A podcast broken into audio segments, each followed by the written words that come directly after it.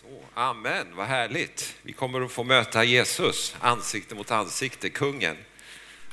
Vad roligt att se er allihopa idag. Eh, det känns som ett stort förtroende och förmån att få predika här idag. Och för er som inte känner mig så heter jag Ola Hörsel och jag är medlem här i församlingen Sollentuna Pingst. Och eh, låt mig få inleda med en kort bön. Ja, Jesus, jag ber att du leder Eh, mig med din gode heliga ande nu så att eh, predikan får betyda någonting för de som har kommit hit. I Jesu Kristi underbara namn. Amen. Ja, jag hoppas att ni har fått ha en fin Kristi himmelfärdshelg, den här långhelgen. Och ja, kanske börja planera för sommaren. Vi hörde de här fina salmerna, den blomstertid nu kommer, så då kanske man ännu mer, tankarna sätts igång lite grann.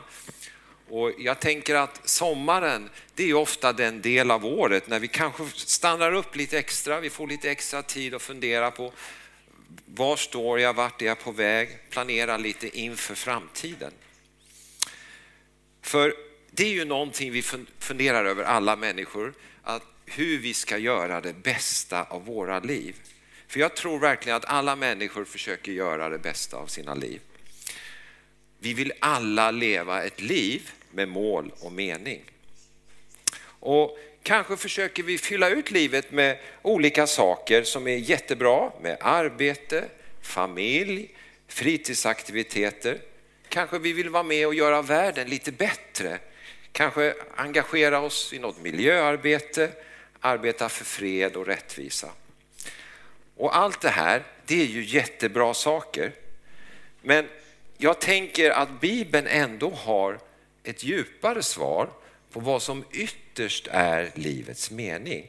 Även om det inte på något sätt motsäger de här bra sakerna som jag räknar upp. För enligt Bibeln så är ju livets mening det är att få en relation med Gud själv och komma in i den plan som han har för våra liv. En individuell plan för var och en av oss. Och så här står det så här skriver aposteln Paulus i Efesiebrevets andra kapitel, verserna 8 10. Av nåden är ni frälsta genom tron. Inte av er själva, Guds gåva är det, inte på grund av gärningar, för att ingen ska berömma sig. Hans verk är vi, skapade i Kristus Jesus till goda gärningar, som Gud har förberett för att vi ska vandra i dem. Så tänk att Gud, universums skapare, han har förberett goda gärningar för var och en av oss. Han vill att vi ska vara hans medarbetare. Ja, faktum är att Gud har tänkt ut från början av just ditt liv en livskallelse och plan för just dig. Och så här står det i Saltarens 139 psalm, verserna 13 till 16. Du har skapat mina njurar, du vävde mig i moderlivet. Jag tackar dig för att jag är så underbart skapad. Underbara är dina verk, min själ vet det så väl.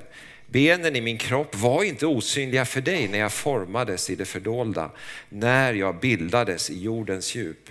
Dina ögon såg mig när jag bara var ett foster.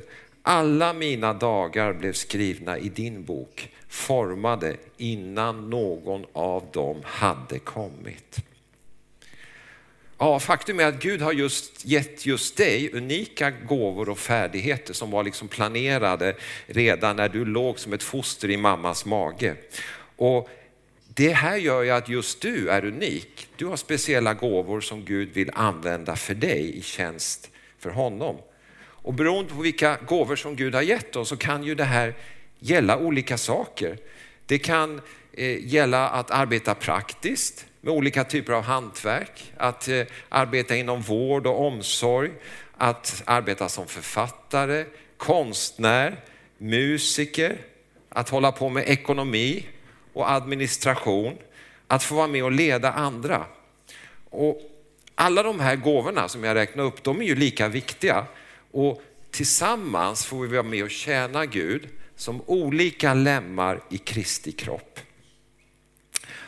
Och Att få komma in i den plan och kallelse Gud har för våra liv och använda våra gåvor, det är ju det mest spännande man kan få uppleva. Och det är ju någonting som ger livet mål och mening på djupet. Men att följa Gud i en sån vandring och använda våra gåvor, det är ju en vandring i tro som vi inte klarar av på egen hand. Vi måste lita på Gud. Och därför är temat för dagens predikan att vandra i tro. Och jag tänkte lyfta fram fyra principer när man vandrar i tro. Och sen tänkte jag illustrera de här fyra principerna från Josuas liv i Gamla Testamentet. Och låt mig börja med de här fyra trosprinciperna för att vandra med Gud. För det första så vill Gud att vi ska förbereda oss för en kallelse han har lagt ner i våra liv. För även om det är så, vi kan ju tjäna Gud här och nu varje dag, så eh, innebär ofta den kallelse som Gud har gett just dig att du ska göra någon typ av förberedelse. Kanske gå någon utbildning, kanske du ska flytta till någon annan ort, kanske du ska gå en bibelskola, någonting, någon förberedelse som Gud lägger på ditt hjärta. Den andra trosprincipen det är att vi aldrig klarar av trosvandringen i egen kraft. Det är alltid ett samarbete mellan oss och Gud. Så å ena sidan så vill Gud att vi ska ta steg i tro genom att använda de naturliga gåvor han har gett oss. Men sen å andra sidan så gensvarar Gud på ett övernaturligt sätt. Och det här innebär ju då när vi liksom vandrar i tro med Gud, då måste vi vara lite ödmjuka och inse att vi kommer omöjligt att klara av de här uppgifterna själva, även om Gud vill använda våra gåvor. Sen för det tredje, den tredje trosprincipen, det är att, att vår tro kan komma att prövas när vi möter svårigheter. Och då, när vi hamnar i en svårighet så kan vi frestas att ta genvägar. Men i Guds rike så är ofta genvägar senvägar. Och sen för det fjärde, den fjärde trosprincipen, det är att Gud kallar oss att vara uthålliga och att tåla mod. Gud har aldrig bråttom och hans kallelse för oss den varar hela livet. Även om den kan byta inriktning lite under livets gång. Så oavsett om du som lyssnar här idag är 15 år eller 85 år så har du lika fullt en livskallelse som pågår hela livet tills vi bryter målsnöret och flyttar hem till Jesus i himlen. Och som jag nämnde så tänkte jag illustrera det här med att vandra i tro med Josuas liv. För Josua, han var ju den person som Gud hade utsett som ledare för Israels folk efter Mose. Och Mose, han var ju den som fick leda Israels folk ut ur slaveriet i Egypten och under 40 år i öknen. Och sen skulle Josua ta över efter Mose och leda folket in i det förlovade landet, in i Kanans land, det som idag heter Israel. Och vi ska se nu att alla de här fyra trosprinciperna, att göra förberedelser, att det är ett samarbete mellan oss och Gud där vi använder våra gåvor och Gud svar, svarar övernaturligt. Att vi eh, inte ska ta genvägar när vi råkar ut för svårigheter och att vi ska vara uthålliga. Alla de här principerna de fungerade i Josuas liv. Så låt oss nu titta närmare på det. Om vi börjar med den första trosprincipen, förberedelser, så varade den i 40 år för Josua. För Josua, han var nämligen Mose medarbetare och tjänare under hela den 40-åriga ökenvandringen från det att han var en ung man. Eh, så att ökenvandringen, det blev en tid då Josua fick lära sig ledarskap, för han hade ju Mose som sin mentor. Josua fick leda folket i strid under ökentiden. Han följde med en bit på vägen när Mose fick upp på Sinai berg för att ta emot den gammaltestamentliga lagen från Gud. Josua han var också en av de tolv spejare som sändes ut för att rekognosera Kanans land. Ett land som man långt senare skulle få vara med och leda folket in i. Och det var bara Josua och Kaleb som kom tillbaka med en positiv rapport. Att de trodde att landet kunde intas trots de befästa städerna och trots alla jättar som bodde i landet. Men eftersom de andra tio spejarna gav en mer negativ rapport så blev ökenvandringen förlängd från ungefär två år till 40 år.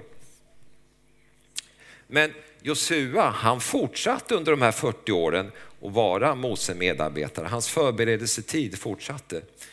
Men den här ökentiden, det var inte bara en tid då Josua fick träna som ledare, utan det var också en tid där Josua fick växa till i sin relation till Gud och mogna andligt.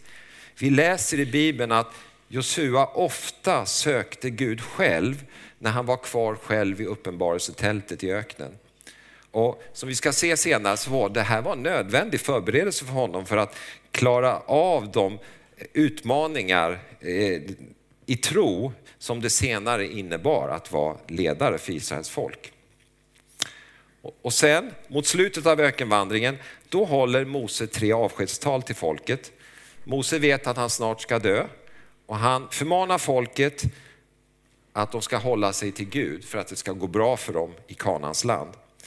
Och sen så ber Gud Mose att lämna över ledarskapet till Josua Eh, och att uppmana Josua att vara tapper och frimodig. Och så här står det i femte Mosebokens 31 kapitel, verserna 7 till 8. Sen kallade Mose till sig Josua och sa till honom inför hela Israel, var stark och frimodig, för du ska gå in med detta folk i det land som Herren med ed har lovat deras fäder och ger dem. Och du ska utskifta det åt dem som arv. Herren går själv framför dig och han ska vara med dig. Han ska inte lämna dig eller överge dig. Var inte rädd eller förfärad. Och när nu Mose lämnar över ledarskapet till Josua, ja men då är den här förberedelsetiden, de 40 åren i öknen avklarade. Och strax senare, strax därefter så dör Mose och Josua tar över ledarskapet. Och då har folket vandrat runt öknen så att de har kommit till östra sidan av floden Jordan. Där Kanans land sen ligger väster om floden Jordan. Och nu ger Gud Josua instruktioner om hur Josua ska leda folket över floden Jordan in i Kanans land. Och här får vi möta den andra trosprincipen, att det är ett samarbete mellan Josua och Gud. För Josua, han ska använda sin ledarförmåga att organisera vandringen in i Kanans land. Eh, så att prästerna, de ska gå först med förbundsarken ner i vattnet och sen ska eh, resten av folket, och det kanske var två miljoner människor, sen ska de gå efter. Men, men, när prästerna har gått ner, då gensvarar Gud genom ett mirakel så att vattenflödet stannar, så att folket kan gå över floden på torrskodd mark.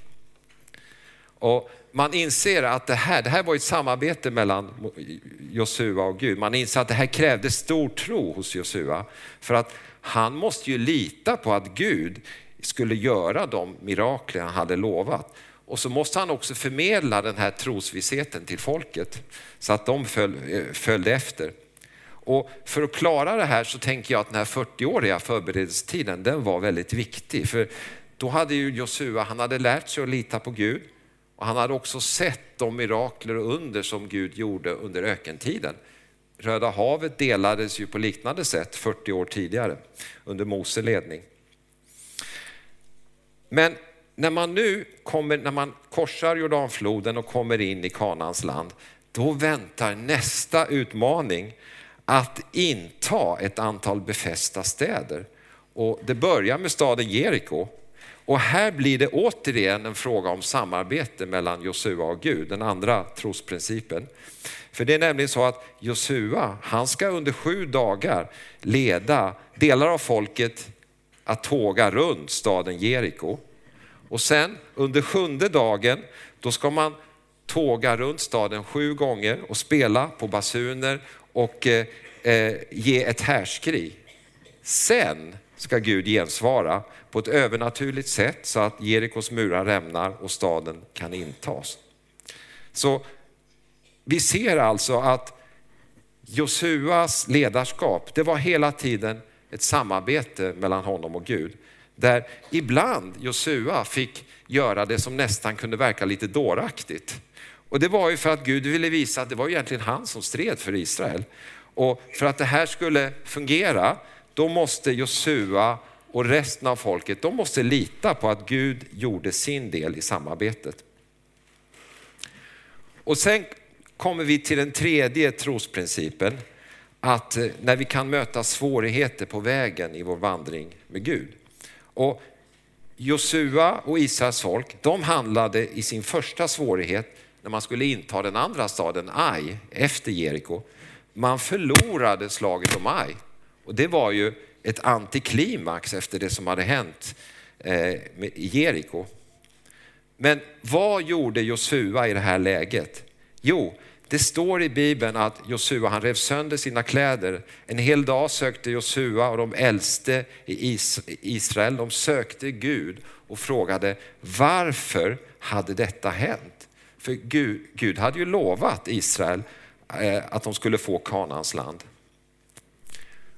Och då, då svarar Gud att anledningen till att man inte kunde inta staden Ai, ja, det var att folket hade inte följt Guds instruktioner. De hade tagit en genväg. Eh, för att eh, de hade, tagit, de hade inte följt Guds instruktioner om hur man skulle gå tillväga efter slaget om Jeriko. För att Gud hade förmanat folket att man inte fick ta något av det som blivit över, det som hade blivit till spillogivet efter att man hade intagit Jeriko. Och anledningen var att det här tillspillogivna, ja men det representerade andra gudar som invånarna i Kanans land dyrkade. Och ändå hade några, några stycken i Israels land hade tagit av det tillspillogivna i Jeriko. Och därför kunde erövringen av Kanans land, den kunde inte fortsätta förrän man hade gått till rätta med det som hade gått snett. Och när väl Eh, Josua får det här svaret från Gud, då reder han upp situationen och det till spillogivna överlämnas, eller lämnas.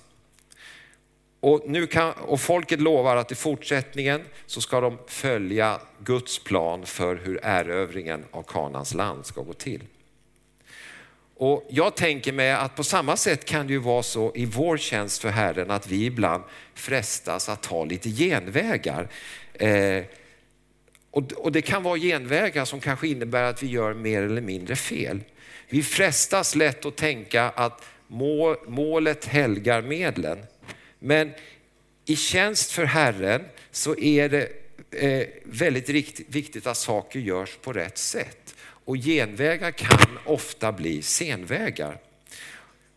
Jag tror att Gud ofta ser mer till våra motiv och vårt hjärtas inställning än till resultatet. Och så här skriver Paulus i Efesiebrevets fjärde kapitel. Därför uppmanar jag er, jag som är en fånge i Herren, att leva värdigt den kallelse som ni har fått. Och sen när man har gått till rätta med det här, ja men då fortsätter erövringen av Kanans land. Man intar staden Ai och eh, nu får Josua använda sig av den fjärde trosprincipen, tålamod. För det tog många, många år innan landet intogs, från berget Hermon i norr till Negevöknen i söder. Men Josua gav inte upp. Han var uthållig och litade på de löften som Gud hade gett. Och till slut så hade 31 kungar besegrats och israeliterna hade vunnit över hetiter, amoreer, kananéer, periser, hiver och jebuseer. Och när så gott som hela landet hade intagits så inledde Josua uppdelningen av Kanans land mellan Israels tolv stammar. Och ja, nu hade Josua hunnit bli en gammal man och då skulle man kunna tro att han tänkte att ja, det uppdrag som Gud hade gett honom, ja men det var ju slutfört nu. Men så tänkte inte Josua, utan han var uthållig i sin tjänst för Gud hela livet.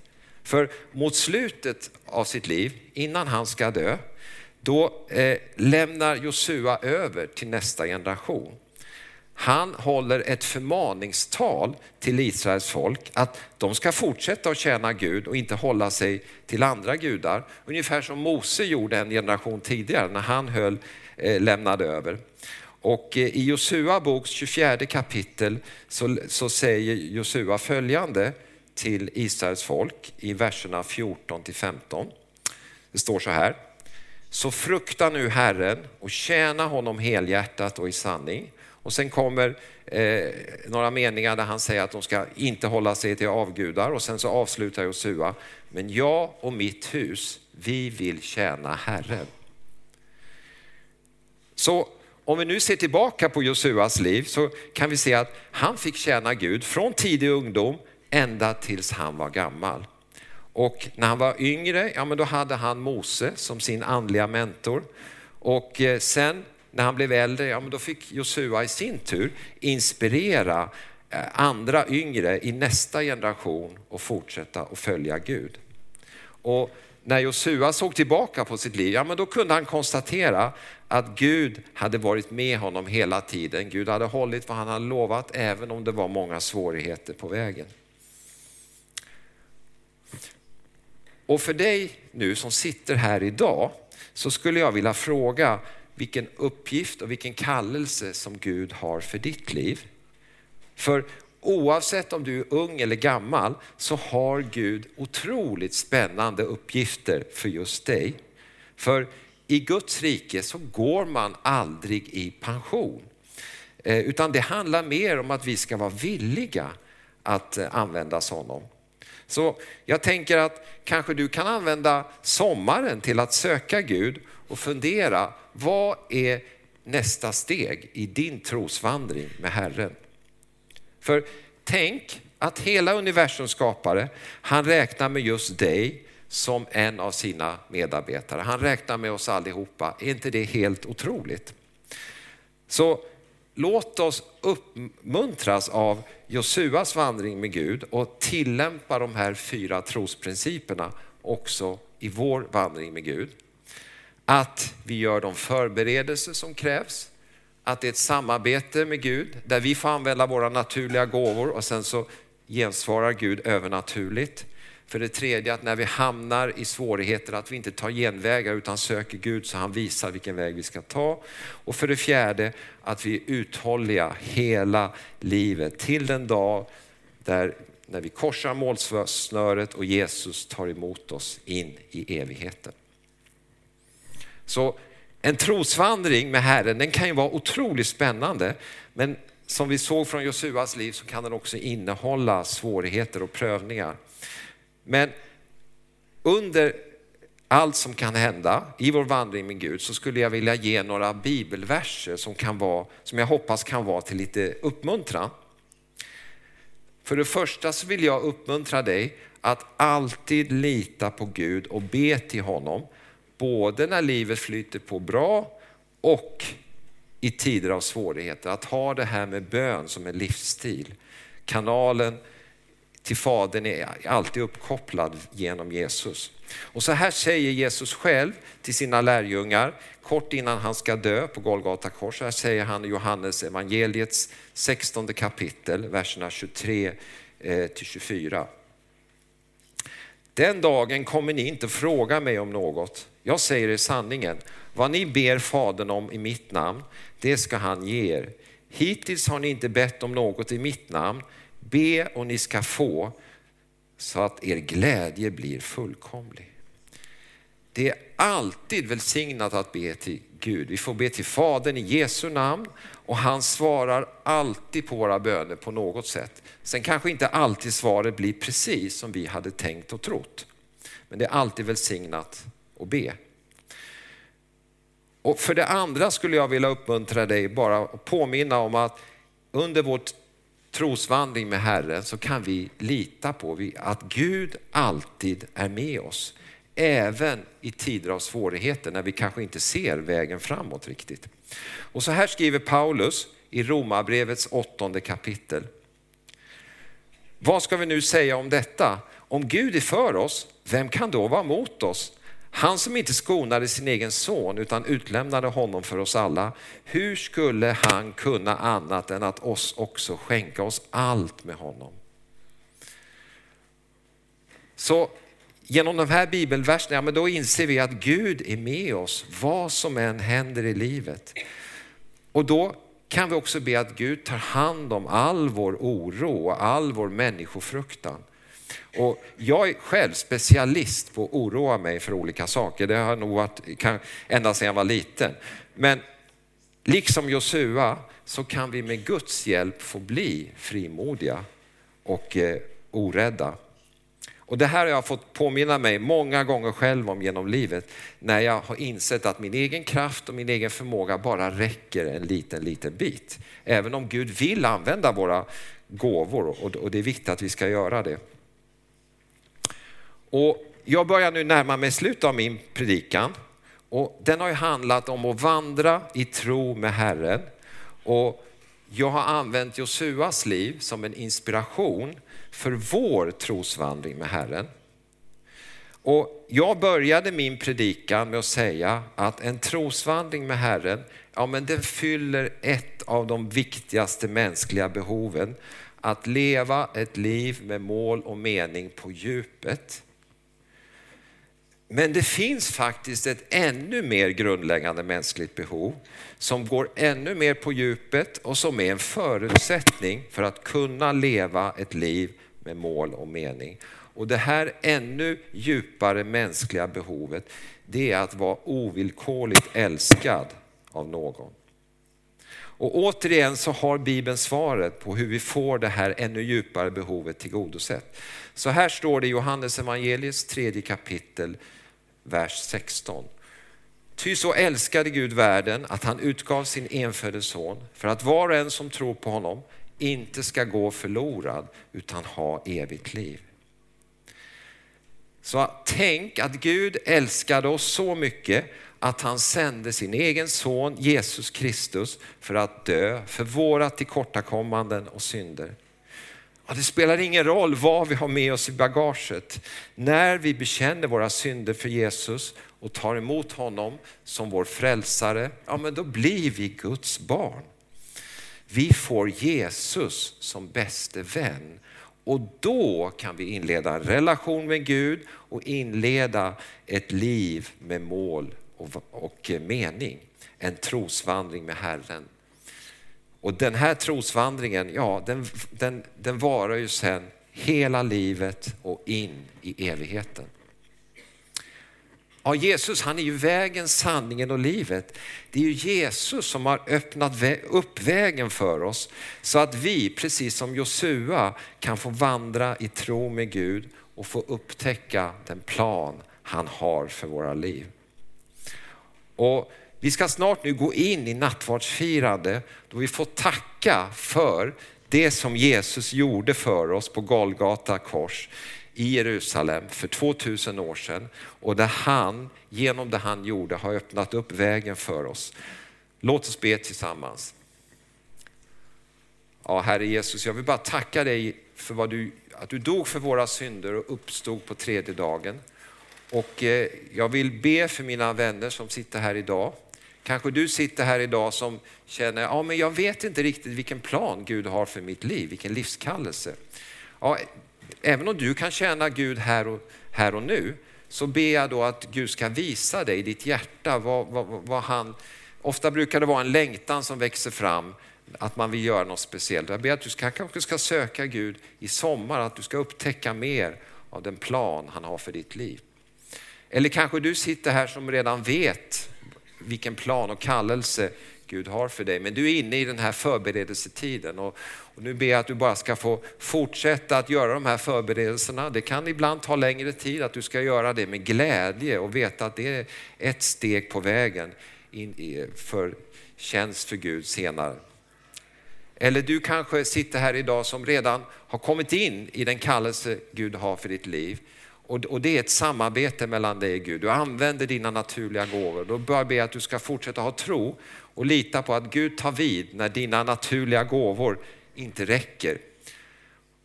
Eller kanske du sitter här som, ja, du, du, du är i tjänst för Gud, Eh, men du har råkat ut för svårigheter, du ser inte vägen. Och då ber jag att du bara ska uppleva att eh, Gud ska visa dig hur du ska ta igenom svårigheterna, att du inte ska frestas och ta några genvägar utan Gud kommer att leda dig genom de här svårigheterna. Eller också kanske du sitter här idag som du har vandrat med Gud i tjänst för honom enligt den kallelse han har för dig i många år.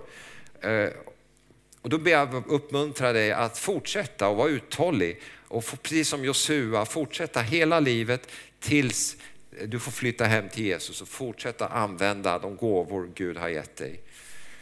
I Jesu namn.